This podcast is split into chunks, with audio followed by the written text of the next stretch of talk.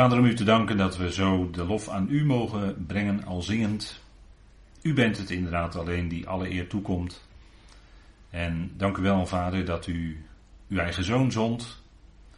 En Vader, dat u hem opwekt uit de dood. We danken u dat hij aan uw rechterhand is. Vader, dank u wel dat de weg ging via lijden tot heerlijkheid. En dank u wel dat we ons mogen verheugen in wie u bent. En mogen danken voor de geweldige onthullingen die in deze rijke Efezebrief uitgestald staan. En daarom bidden we ook om de geest van wijsheid en onthulling in de erkenning van u. Dat we mogen verstaan wat de verwachting van onze roeping is. En wat de rijkdom van de heerlijkheid van uw lotgenieting is te midden van de heiligen.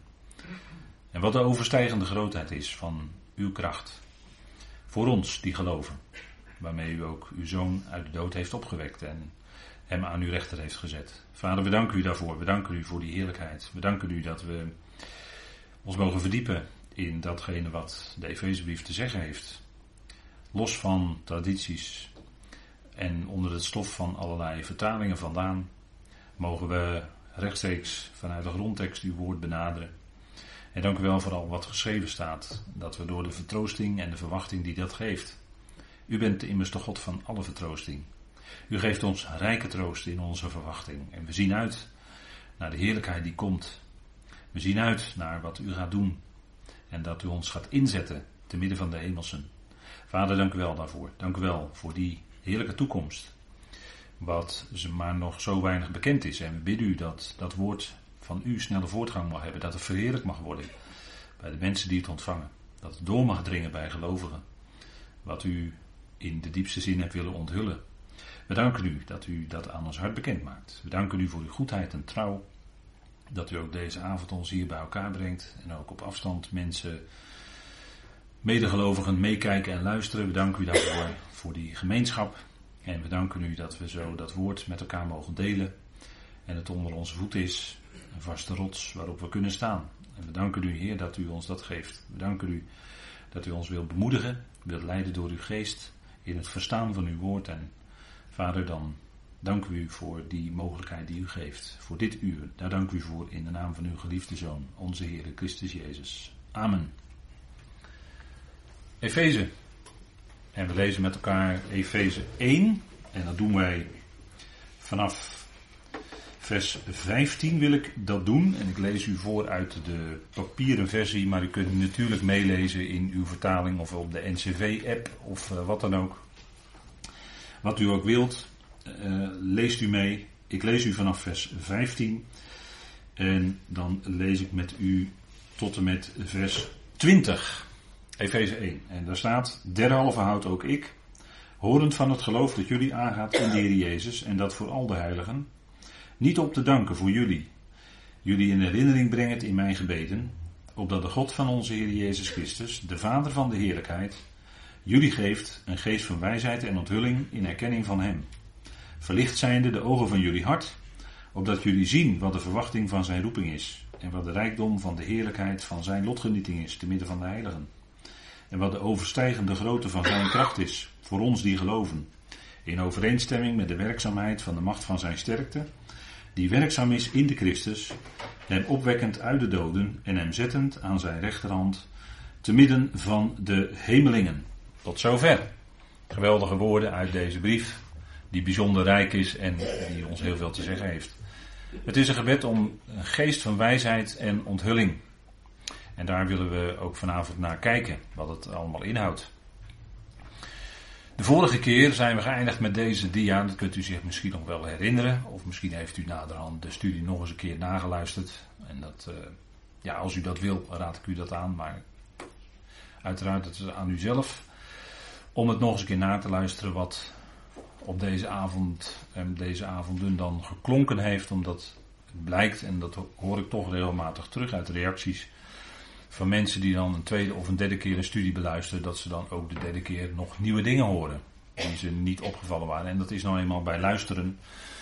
Uh, kun je niet alles in één keer meepakken, omdat je altijd wat gezegd wordt even moet verwerken. En terwijl je aan het verwerken bent, mis je het volgende wat gezegd wordt. Voor je herinnering. Zo werkt dat nou eenmaal bij ons mensen. Dat is een heel gebruikelijk uh, iets.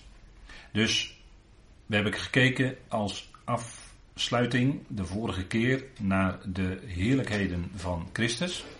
En dat is naar aanleiding van het begrip heerlijkheid. Want we hebben gelezen, het gaat hier over de God van onze Heer Jezus Christus, de Vader van de heerlijkheid. En u kent inmiddels de betekenis van vanuit het Hebreeuws en vanuit het Grieks, als het gaat over dat, wat, wat nou dat begrip heerlijkheid inhoudt. En de heerlijkheden van Christus, een aantal heerlijkheden, want dit zijn nog niet al zijn heerlijkheden, hij heeft er nog meer, die ziet u hier staan. En we zullen natuurlijk, we hebben in de loop van de besprekingen van Efezius tot nu toe ook een bijzondere heerlijkheid van hem al ontmoet, om het zo maar te zeggen. Dat is in Efeze 1, vers 10. Dat hij het hoofd zal zijn, hè, dat alles onder dat ene hoofd gesteld zal worden, wat in de hemelen en wat op de aarde is. En dat ene hoofd, dat is Christus.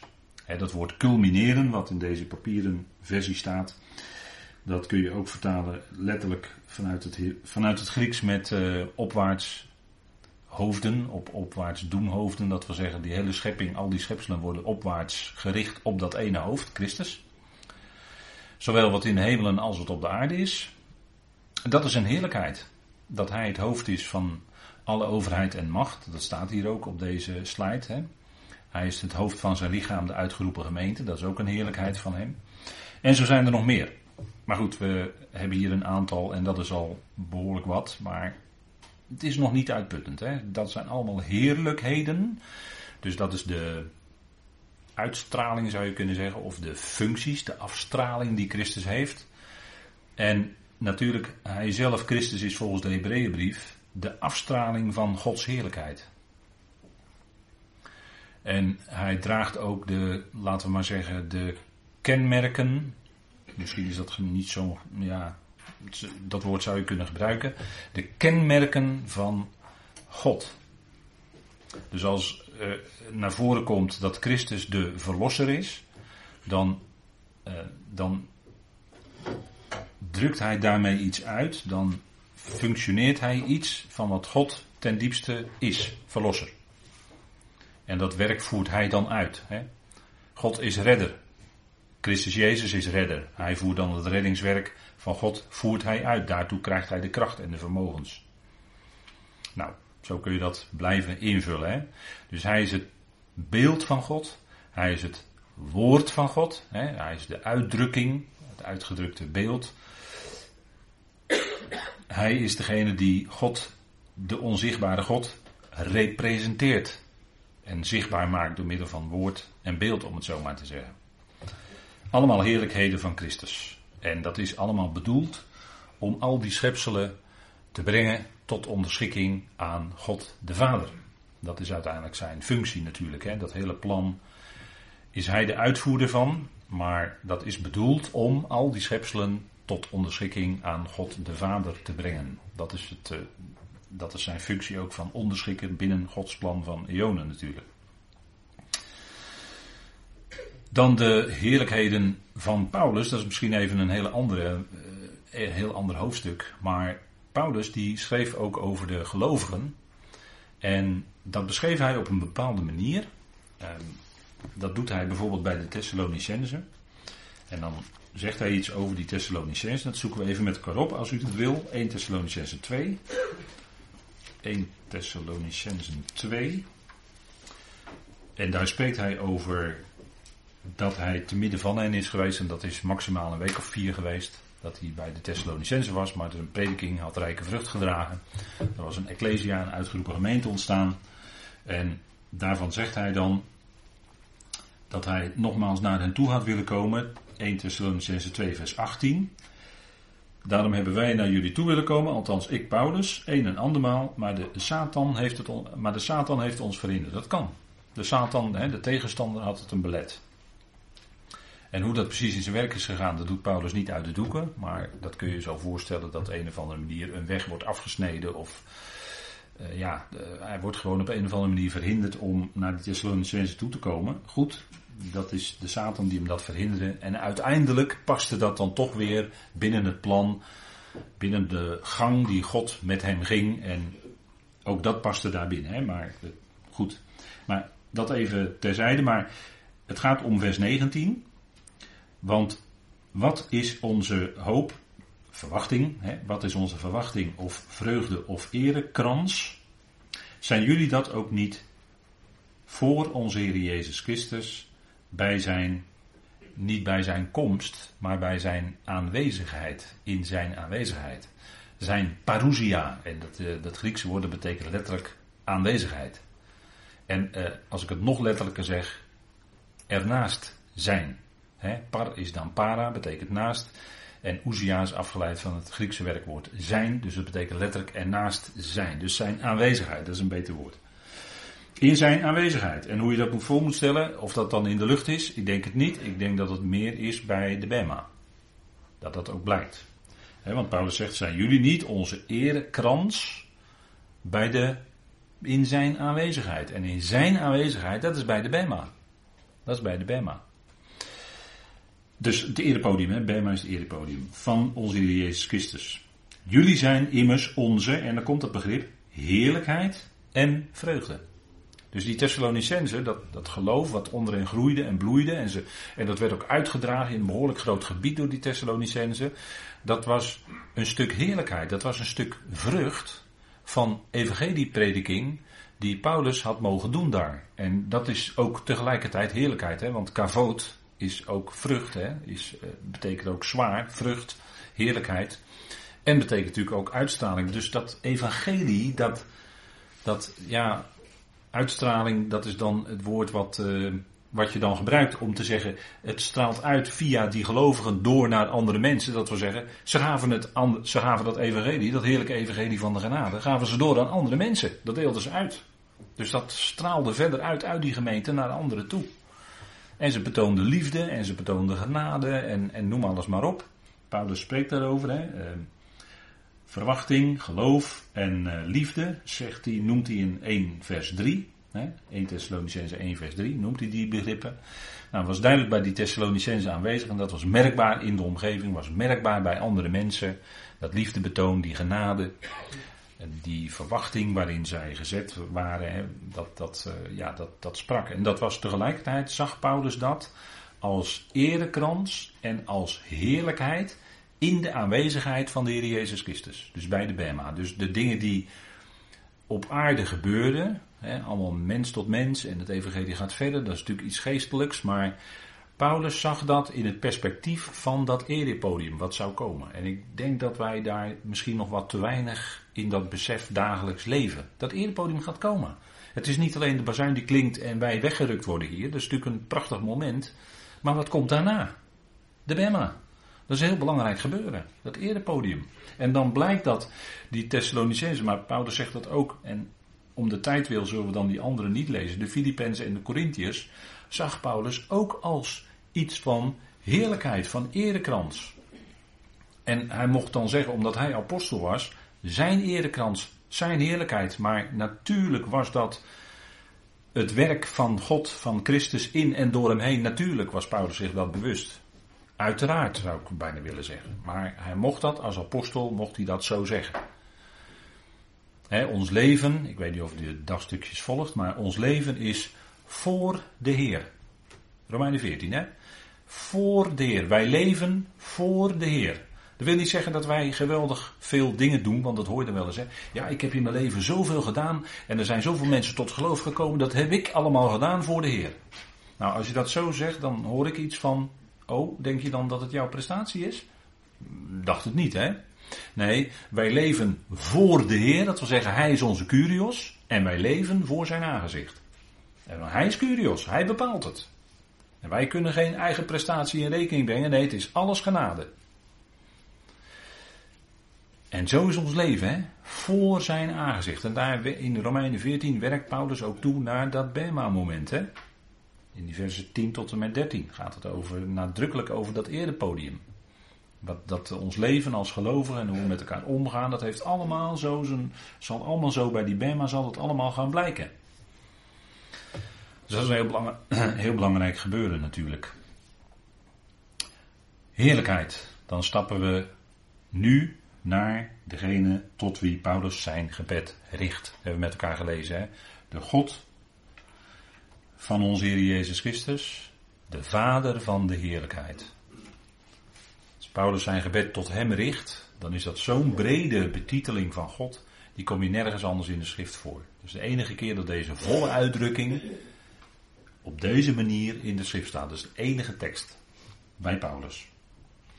En hij noemt hem dus de vader van de heerlijkheid. En we hebben de vorige keer gezien dat heeft te maken met dat hij de bron is. Vader heeft ook te maken met verwekken, de verwekker van de heerlijkheid. En in die zin ook de bron. dat is vaderschap. En alle vaderschap of alle familie, dat klinkt ook in de Efezebrief, Efeze 3, is uiteindelijk van Gods vaderschap afgeleid. Je moet het niet omdraaien. Nee, alle vaderschap en hoe zwak en eh, noem maar alles maar op, dat gaat, is allemaal uiteindelijk van God als vader afgeleid. Hij is de ultieme, vol, volkomen, volmaakte vader. Bij hem kun je altijd terecht. En hij is dus de vader, staat hier, van de heerlijkheid. En God heeft een eigen heerlijkheid, om het zo maar te zeggen, die hij niet met anderen deelt. En daar spreekt Jezaja over. Laten we even met elkaar opzoeken. Profeet Jezaja. Prachtige, machtige profeet. En dan zitten we in het, wat ze dan altijd noemen, het troostboek van Jezaja. Vanaf Jezaja 40 tot 55, dus het troostboek van Jezaja. Jezaja, redder zal zijn Yahweh, hè, is dat? Redder zal zijn Ja of Yahweh, betekent zijn naam. Prachtige naam hoor, Jezaja. En dat blijkt ook aan alle kanten uit zijn hele profetie. Dat God redder is. Dat klinkt in Jezaja rijk, luid en duidelijk. God is redder. En hij zal ook redder zijn van zijn volk Israël, natuurlijk. En dan zegt hij van, eh, als ik het goed heb, van zijn volk Israël, ja. Van Jacob, en wat later zal worden Israël, want 48 vers 1 begint met hoor dit huis van Jacob.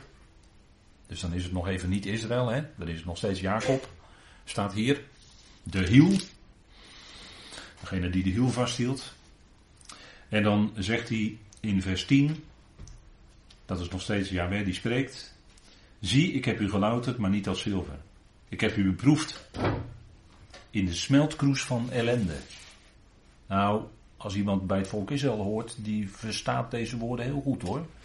De smeltkroes van ellende. Nou, als je Jood bent, dan weet je dat hoor, dat, dat, dat je daar doorheen bent gegaan. Zeker weten.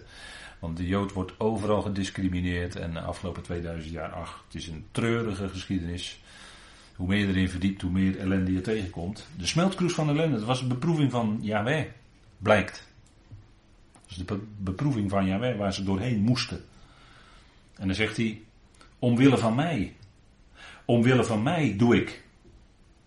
Want hoe zou, en dan staat er schuin gedrukt in de vertaling die ik hier heb, mijn naam, ontheiligd worden? Ik zal mijn eer of mijn heerlijkheid aan geen ander geven. Dus God heeft een eigen heerlijkheid die hij aan geen ander geeft. En wat is een heerlijkheid van God? Dat hij onderschikker is. En dat hij in staat is, dwars door alles heen, de schepselen aan zich te onderschikken.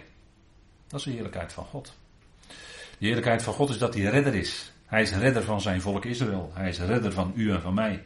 Hij is redder van die hemelsen. Hij is redder uiteindelijk van iedereen. Dat is de heerlijkheid van God. Dat is wat hij doet.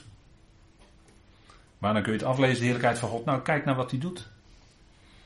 En eh, wij zijn eh, misschien geneigd om toch wat vaak te kijken naar wat mensen doen. Maar we zouden kijken naar wat God doet. En als je daarna gaat kijken, ja, dan kijk je eigenlijk automatisch omhoog. En dat is ook wat het Griekse woord anthropos betekent. Hè? Degene die omhoog kijkt. Opwaarts kijken. Hè? Degene die zich, die zich wendt, die zijn als het ware zijn, zijn nek wendt, zo naar boven toe en omhoog kijkt. Dat betekent eigenlijk het woord anthropos. Dat is mens. Mooi hè? En de mens is eigenlijk ook daarvoor gemaakt. God is degene die alles in handen heeft en de mens is gemaakt als schepsel. En de mens zou zich dat ook bewust zijn. Dat je als schepsel uh, dient. Als schepsel ben je in een dienende positie ten opzichte van de schepper. En de mens wil dat escapen, en zeker tegenwoordig.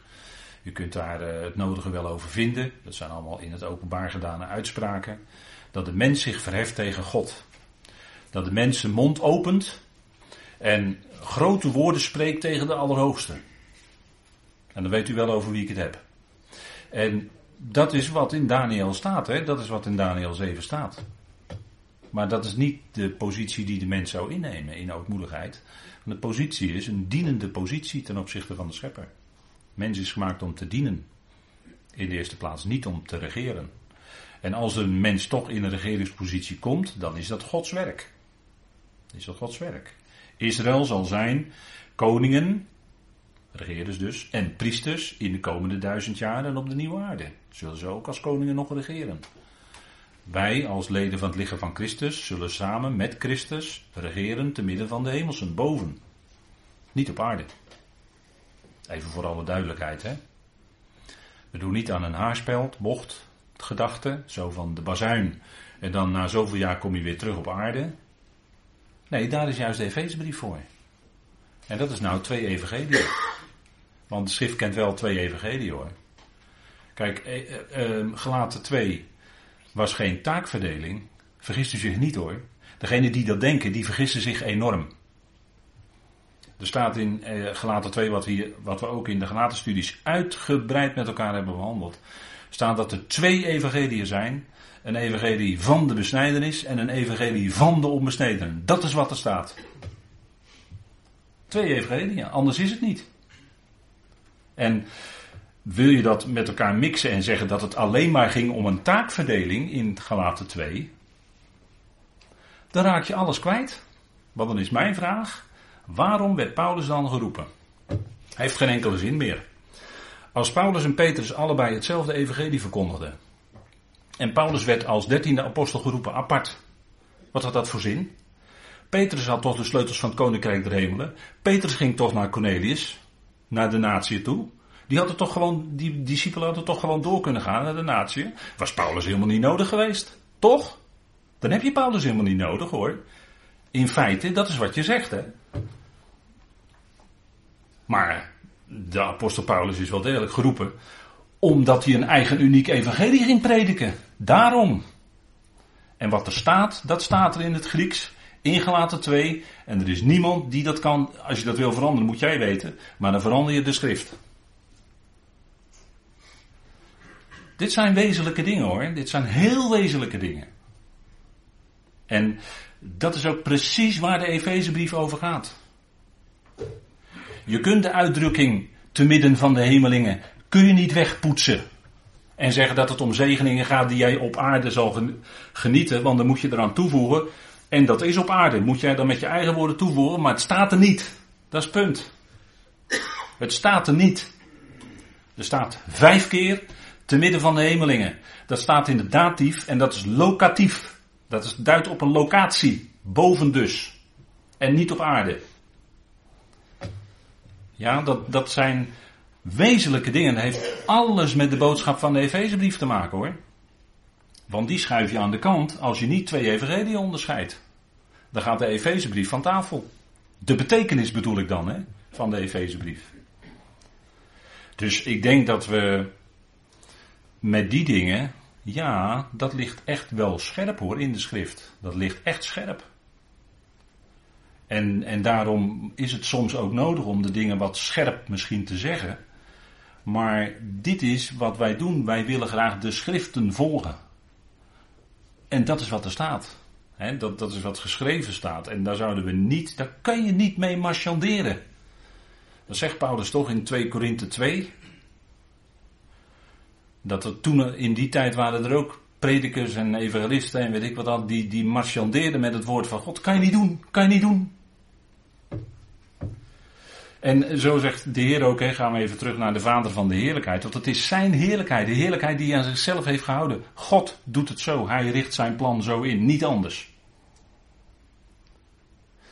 En nog een ander punt is, als jij denkt dat je op aarde blijft, dan ga je misschien denken dat jij als gelovige nu bij het lichaam van Christus koning en priesters bent. Waar blijft Israël dan? Gaan we dan niet weer verzanden in een vervangingsleer? In een antisemitische vervangingsleer kom je dan terecht, want je schuift Israël als koning en priesters aan de kant. Als jij denkt dat jij als gelovige van het lichaam van Christus koning en priester bent, ben je niet, staat nergens. Geen bewijs. Dat is allemaal de consequentie hoor, als je denkt dat je op aarde blijft. En, en wat moet je hier dan? Je loopt hopeloos vast. En dat is nou precies wat juist zo scherp in die Efezebrief staat. Dat is wat keer op keer naar voren zal komen. En dat hebben we ook al gezien. Nou, de Heer zei, en dan gaan we terug naar de Vader van de heerlijkheid. Hij heeft een eigen heerlijkheid en vandaar dat hij tegen Israël zei: Geen andere goden voor mijn aangezicht. Doe je het wel, dan op den duur eruit ga je in ballingschap. Niet in mijn huis zul jij andere goden dienen. Kan niet. En de Heer had het gezegd en het gebeurde ook. Ballingschap. Hebben we net over gelezen, hè? Ik heb u beproefd in de smeltkroes van ellende. Ballingschap. Ja, maar dat had een oorzaak. Omdat ze andere goden achterna liepen. Wat denkt u? Kinderoffers aan de Moloch. Wat denkt u ervan? In het dal Hinnom. Wat denkt u ervan? Dat was, dat was wat gebeurde hoor bij Israël. Dat is wat er staat geschreven. Dat is wat gebeurde. Dat is allemaal gedocumenteerd. Dat kan je niet zomaar doen. Natuurlijk niet. Kijk, Paulus die zegt ook in Galaten 6. Je kunt niet, uh, hè, God, je kunt niet zomaar een loopje nemen met God. Je kunt als het ware niet je, dat is het woord wat er staat, duidt een beetje in, zit een beetje in de richting van je kunt niet je neus ophalen voor God. Nee, we hebben wel met God te doen. De plaatsen. Ja, zeker, hij is liefde. Zeker, hij is liefde. Hij werkt in liefde zijn plan uit. Zeker, zeker. Maar dat wil niet zeggen dat het allemaal uh, altijd uh, uh, zoete broodjes bakken is. Ik had het net over ballingschap, hè. Israël ging in ballingschap. Nou, dat was geen zoete broodjes bakken hoor. Want denk erom dat de Assyriërs en, en de Babyloniërs, dat waren geen misselijke, misselijke soldaten hoor. Als je dat allemaal leest. Het staat allemaal in de Bijbel, je kunt het allemaal lezen. Goed, God geeft zijn heerlijkheid. En dat is dan, ik heb erbij gezet relatief. Hè, aan zon, maan en sterren heeft God daar gesteld. Hè. Het staat in, op de vierde dag in Genesis 1, hè, herstelwerk van God. Hij stelde daar, hij niet schiep, maar hij stelde daar de zon, maan en sterren. Dus dat, die hebben hun plaats toegewezen gekregen van God. En de vorige keer heb ik wel iets gezegd over de, dat die tekens van de dierenriem dat die al heel oud zijn en uh, dat het daarin eigenlijk het evangelie staat geschreven. Ja, dat is natuurlijk, natuurlijk, het is toch dezelfde auteur. Hij is toch redder. Hij heeft dat evangelie veranderd niet. De belofte was toch gegeven in Genesis 3 dat de, het zaad van de vrouwen zou de slang van de kop vermorzelen. Nou, dat staat ook in de sterren geschreven. dat heeft, heeft helemaal niks met eh, astrologie te maken. Maar die tekens van de dierenriem, als ze zijn al zo oud als vanaf, vanaf Adam, bij wijze van spreken. En Zet, nou, de God der heerlijkheid, gaan we door, die verscheen aan Abraham in Oer, Oer van de Galdeën. Waar ze de, de maangod Sin vereerden, weet u wel. En uh, Abraham, de God van de heerlijkheid, verscheen aan Abraham. Dus die, uh, en als het gaat om de God van de heerlijkheid, is het ook degene die de heerlijkheid beschikt. En hij beschikt aan wie hij die heerlijkheid geeft of een mate van heerlijkheid of meer heerlijkheid in zijn plan van eonen. Daar beschikt God over. En dan geeft hij aan Israël een bepaalde heerlijkheid. En dan geeft hij aan de gemeente, het lichaam van Christus, een bepaalde heerlijkheid. Dat doet God. Maar dat is allemaal afstraling van zijn eigen heerlijkheid. En Paulus die bidt dan, en dat zijn dan, ja, dan, dan is dit plaatje toch wel heel leuk. Uh, dan, dat zijn dan vergezichten. Hè. Als je zo in Zwitserland of Oostenrijk op vakantie bent, dan kun je zo mooi op zo'n berg staan met die verrekijker. Dan kan je veel zien. En dat is eigenlijk een beetje een, wel een leuk plaatje, vond ik. Als het hier gaat op dat hij jullie geeft, hè, dat is het gebed van Paulus, een geest van wijsheid en onthulling in erkenning van hem. En, en hoe kun je dat nou zien? Nergens in de Bijbel wordt er gezegd dat we zouden bidden om de geest van God. Maar hier wordt ons wel gezegd dat Paulus bidt en wij bidden dat met Paulus mee. En ik hoop dat u dat bidt regelmatig, voor uzelf en voor al die andere gelovigen. Dat God jullie geeft een geest van wijsheid en onthulling in erkenning van Hem. Dat is een bijzondere toedeling van zijn geest. Een bijzondere toedeling van zijn geest. Daar bidt Paulus om. En waarom is dat nodig? Nou, daar willen we vanavond ook naar kijken. Want we willen niet te snel door deze dingen heen wandelen, want dan onderweg eh, ontgaat je dan het nodige. Kijk, waar het om gaat is dat wij als gelovigen, natuurlijk, wij geloven in de Heer Jezus Christus als onze redder. God is onze redder. Dat is geweldig. Hij heeft op Golgotha alles volbracht. En hij werd lichamelijk opgewekt uit de doden op de derde dag. Als uh, echt het fundament. En op basis daarvan zijn al onze zegeningen gebaseerd, zou je kunnen zeggen. Dat is wat God doet en dat, dat is geweldig. En iedere gelovige, iedere echte, waarachtige gelovige van deze tijd, die gelooft, en dat bedoel ik echt hier, hè, die gelooft dat Jezus stierf en opstond. Dat is het enige. En ieder die dat echt gelooft met het hart, die is verzegeld met de geest en die hoort bij het liggen van Christus. Ongeacht de mate van kennis die je daarna opdoet. Dat, heeft helemaal, dat speelt helemaal geen rol hierin. Hè? Als het, en dat gaat ook om de bazuin. Meegaan met de bazuin. Dus of iemand, als iemand echt gelooft in de Heer Jezus Christus, die kan dan daarnaast allerlei traditionele dingen geloven en voorstellingen hebben en zonder te beseffen allemaal onbijbelse dingen geloven. Dat kan, dat kan allemaal. Maar die is niettemin, blijft hij altijd lid van het lichaam van Christus, want is verzegeld. En dat zegel is naar binnen de dag van de vrijkoping, zegt Paulus in Efeze 4, vers 30. Dus dat zegel kan, je nooit, kan, kan nooit ongedaan gemaakt worden. Dat blijft. Dus dat is hier niet in vragen, of dat is hier niet de vraag. Ik ga geen Duits spreken. Dat is hier niet de vraag. Het gaat hier om geestelijke wijsheid en geestelijke onthulling. Die twee facetten. Dus wijsheid en onthulling. Wijsheid wijst erop dat je, dat, dat is iets wat groeit. Hè? Iemand die van baby af aan als mens opgroeit. Als het goed is, gaat hij in de loop van de jaren ook toenemen in wijsheid. Maar ja, ze zeggen ook wel eens hoe ouder, hoe gekker. Hè? Maar goed, als het toeneemt, als, als je de jaren klimmen, dan is de bedoeling dat je ook door levenservaring een stukje wijsheid krijgt. En, dat is gewoon in het dagelijks leven, zoals wij met, mensen met elkaar erover praten. Zoals dat gaat. Maar hier gaat het om gelovigen. En dan is het iets bijzonders natuurlijk. Ook in het geloof zijn ben je eerst een zuigeling, zeg maar, een kleintje. En je groeit op. En je, je, je, kennis en je begrip van Gods woord neemt langzaam maar zeker toe. En nu is de bedoeling dat daarmee gepaard ook een stuk wijsheid. Dat je ook een stuk wijsheid krijgt. Dan niet menselijke wijsheid, maar geestelijke wijsheid. Daar gaat het dan om. En nou is een bijzondere geestelijke wijsheid nodig om die geheimenissen, geheimenis, geheimen van de Efezebrief te verstaan. Wat ermee te maken heeft. Ook onthulling is nodig. Want dit, waren, dit zijn dingen die Paulus hier mocht bekendmaken in de Efezebrief. Die van voor de Ionen af in God verborgen waren. Die nooit eerder bekend waren gemaakt. Niet aan de profeten van Israël, niet via de Heer Jezus toen hij op aarde wandelde. Maar uiteindelijk liet hij dat via Paulus, via de, via de verheerlijkte Heer, via Paulus, maakt hij dat bekend. Dus dat is, dat is een wijsheid die verborgen was en die we moeten leren kennen. Kijk, in de Bijbel staan diverse teksten over wijsheid en die wil ik even toch met u even kijken. In eh, Spreuken 1 vers 7. U ziet hem hier al staan in de NBV-vertaling. Maar uh, we lezen hem even uit de herziene statenvertaling. En u kunt natuurlijk online met van alles uh, meelezen.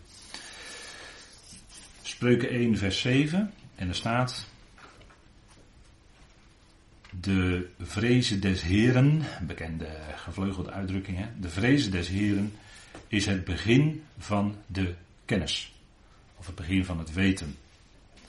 En de dwazen verachten wijsheid en vermaning. En het woord begin is hier het woord wat we ook in Genesis 1 tegenkomen, Rashid. Dus het heeft te maken met Rosh, hè, hoofd, begin. Dus het begin, en hier in de vertaling is het behoorlijk goed vertaald met beginsel. Het beginsel van de kennis is de vrezen des Heren. Wat is nou dat woord vrezen?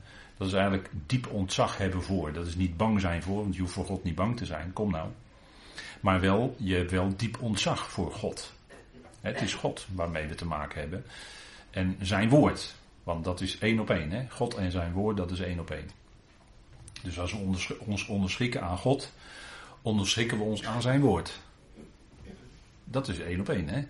Je kan niet zeggen, ik geloof in God en ik onderschik me aan God. En vervolgens ga je niet onderschikken aan het woord. Kan niet. Dat is, dat is, dat is hetzelfde. Dus daar begint het allemaal mee. Hè? Jawel, de ik ben, de God van Israël, Jawel. Diep ontzag hebben voor hem. Dat heeft voor ons natuurlijk ook alles te maken met geloof. Want daar begint het natuurlijk mee. Geloof. En ontzag hebben voor hem. En dat is het begin van de kennis. En kennis in het Hebreeuws is niet zozeer.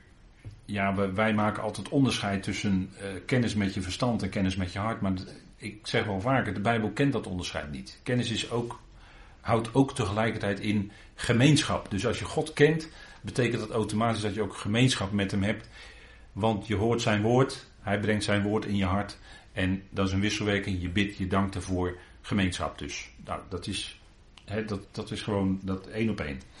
En dan zegt Spreuken 9 vers 10, laten we even verder. Spreuken 9 vers 10. De, begint met, uh, Spreuken 9 begint met de hoogste wijsheid. Ja, dat woord hoogste is denk ik uh, een beetje toegevoegd. De wijsheid heeft haar huis gebouwd. En haar zeven pilaren uitgehaakt. Dus die wijsheid van de schrift is gebaseerd op zeven pilaren. Nou, dat is heel wat, hè? Dat, dat staat ook, dat heeft een fundatie dan. Hè? En dan lezen we in vers 10 van Spreuken 9. Het beginsel, en dan staat er niet het woord rosh, maar een ander woord, en dat heeft te maken met startpunt.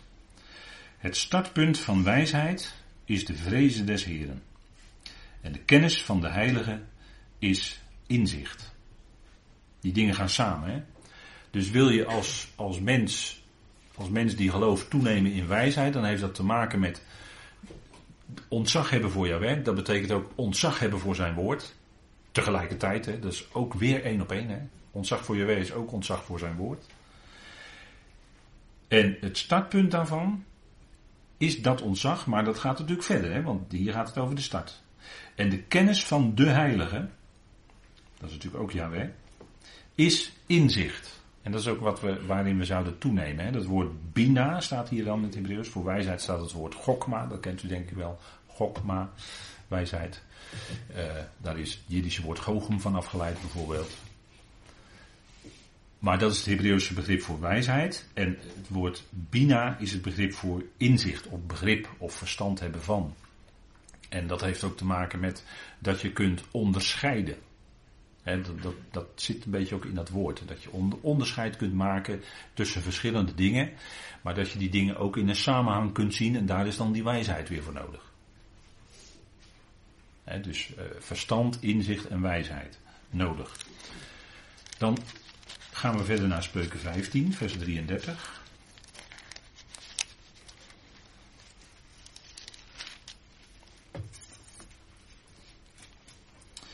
En daar wordt ook iets gezegd over de vrezen of de ontzag voor Yahweh. De vrezen des Heren is de vermaning tot wijsheid. En nederigheid gaat vooraf aan de eer. Nou, er staat de vrezen van Yahweh, of de ontzag voor Yahweh, is de discipline van wijsheid. Dus wijsheid is ook iets, die wijsheid van Yahweh is ook iets wat jou disciplineert. Wat jou, wat, laten we maar zeggen, een stuk orde geeft in je leven. dat is ook wijsheid, heeft ook te maken met wijsheid. He. God heeft in zijn wijsheid alles in zijn schepping zo geordend, dat alles ook geordend verloopt.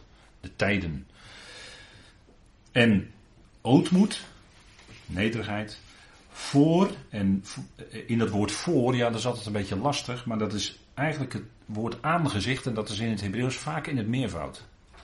Dus aangezichten, dus ootmoed eh, voor, voor het aangezicht of de aangezichten en dan heerlijkheid. Dus eerst is er ootmoed en die ootmoedige houding die leidt tot heerlijkheid. En dat is in het aangezicht daarvan, is ook in het aangezicht van Yahweh.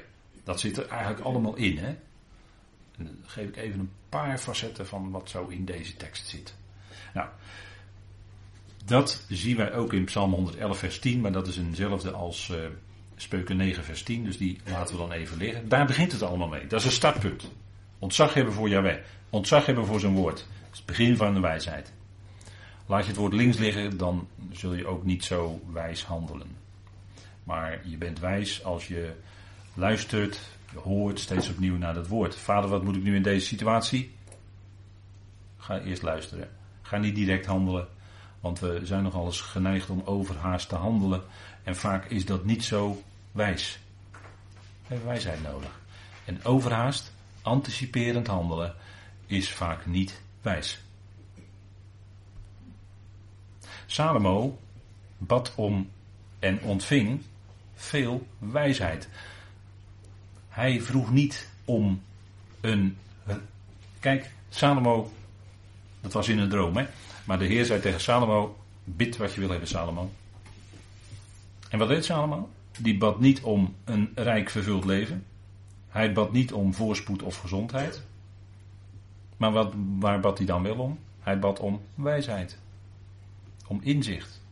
Om zijn koningschap, om zijn regeringschap over Israël goed te kunnen doen. En dat honoreerde de eer, de Heer, dat honoreerde Yahweh hem heel rijkelijk. Want ja, er was niemand zo wijs als Salomo. De koningin van Sheba die kwam. Ik heb hier een plaatje, wat plaatjes daarvan geplukt. En erbij gezet. De koningin van Sheba die kwam.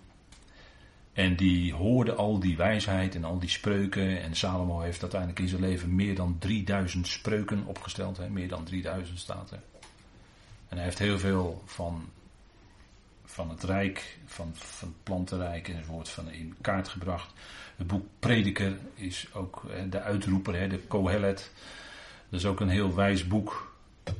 En eh, dat is hoogstwaarschijnlijk, hoogstwaarschijnlijk ook door Salomo geschreven. Dat is toch wat de meeste uitleggers denken. Hij had heel veel wijsheid. En dat bleek ook. He, leest u maar eens na toen die twee vrouwen bij hem kwamen met het babytje, weet u wel. Dat was heel wijs wat Salomo toen deed. Hij, deed, hij liet iets doen waar het bleek dat hij kon zien wie de echte moeder was. Dat was heel wijs. Dat had hij niet van zichzelf, maar dat had hij van God. En dat besefte Salomo ook.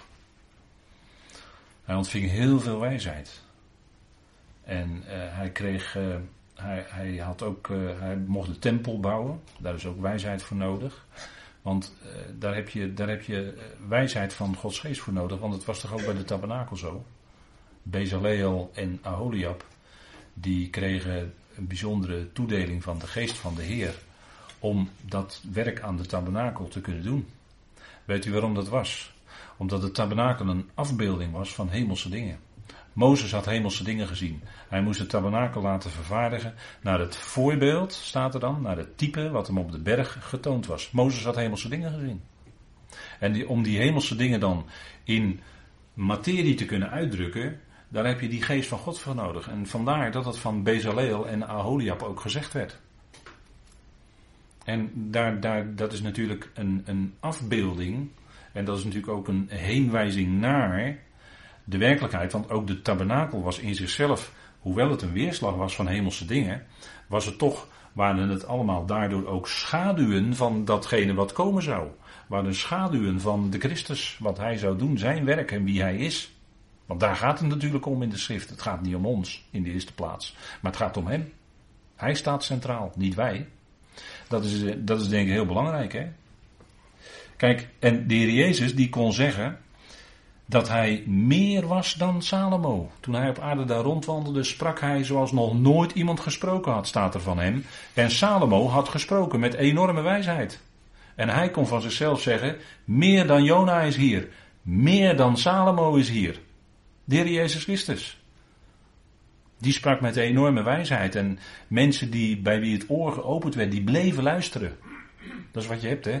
Als je eenmaal je oor geopend is door de Heer, voor de Heer, dan blijf je luisteren. Want, die, want datgene wat gezegd wordt in zijn woord, want daar hebben we mee te maken. Het is het woord van Christus Jezus wat we hier bestuderen in de Efezebrief. Het is niet Paulus woord, het woord van Christus Jezus wat hij via Paulus heeft laten. Dat woord.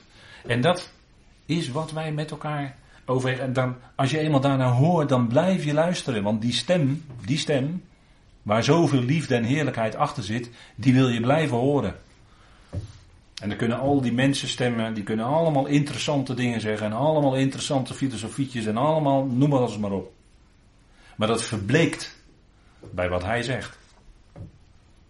Goud. dat is goud. Salomo mocht de tempel bouwen met ongelooflijk veel goud. En daarbij werd hij geholpen door, hij mocht uh, hout krijgen, kreeg hij onder andere van uh, koning Hiram.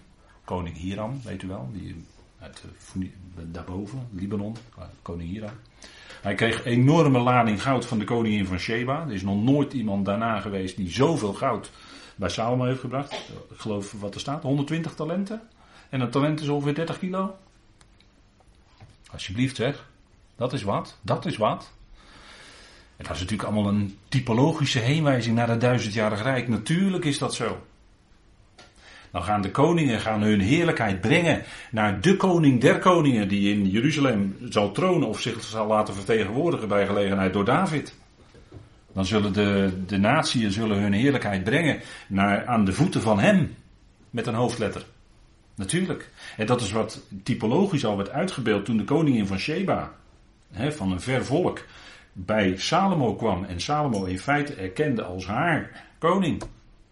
Dat beeldt het natuurlijk allemaal uit. Dat, dat zijn de geweldige heenwijzingen naar de Messias die komen zou. Nou, de Heer Jezus sprak met een wijsheid waarvan hij kon zeggen, meer dan Salomo is hier. En Salomo, als Salomo hem zou ontmoeten, zou Salomo direct knielen. Op zijn, net als Daniel als dood voor hem neerviel. Toen hij die gestalte zag. Zou Salomo precies eender doen. Dat is wat, hè? Dat is een wijsheid. Daar hadden de mensen nog nooit van gehoord. En daar houdt het nog niet op, want die wijsheid dat is verder gegaan. En dan komen we bij de brieven van Paulus. En uh, ik kreeg net de sein dat we gaan pauzeren met elkaar. Dus uh, we gaan even onderbreken.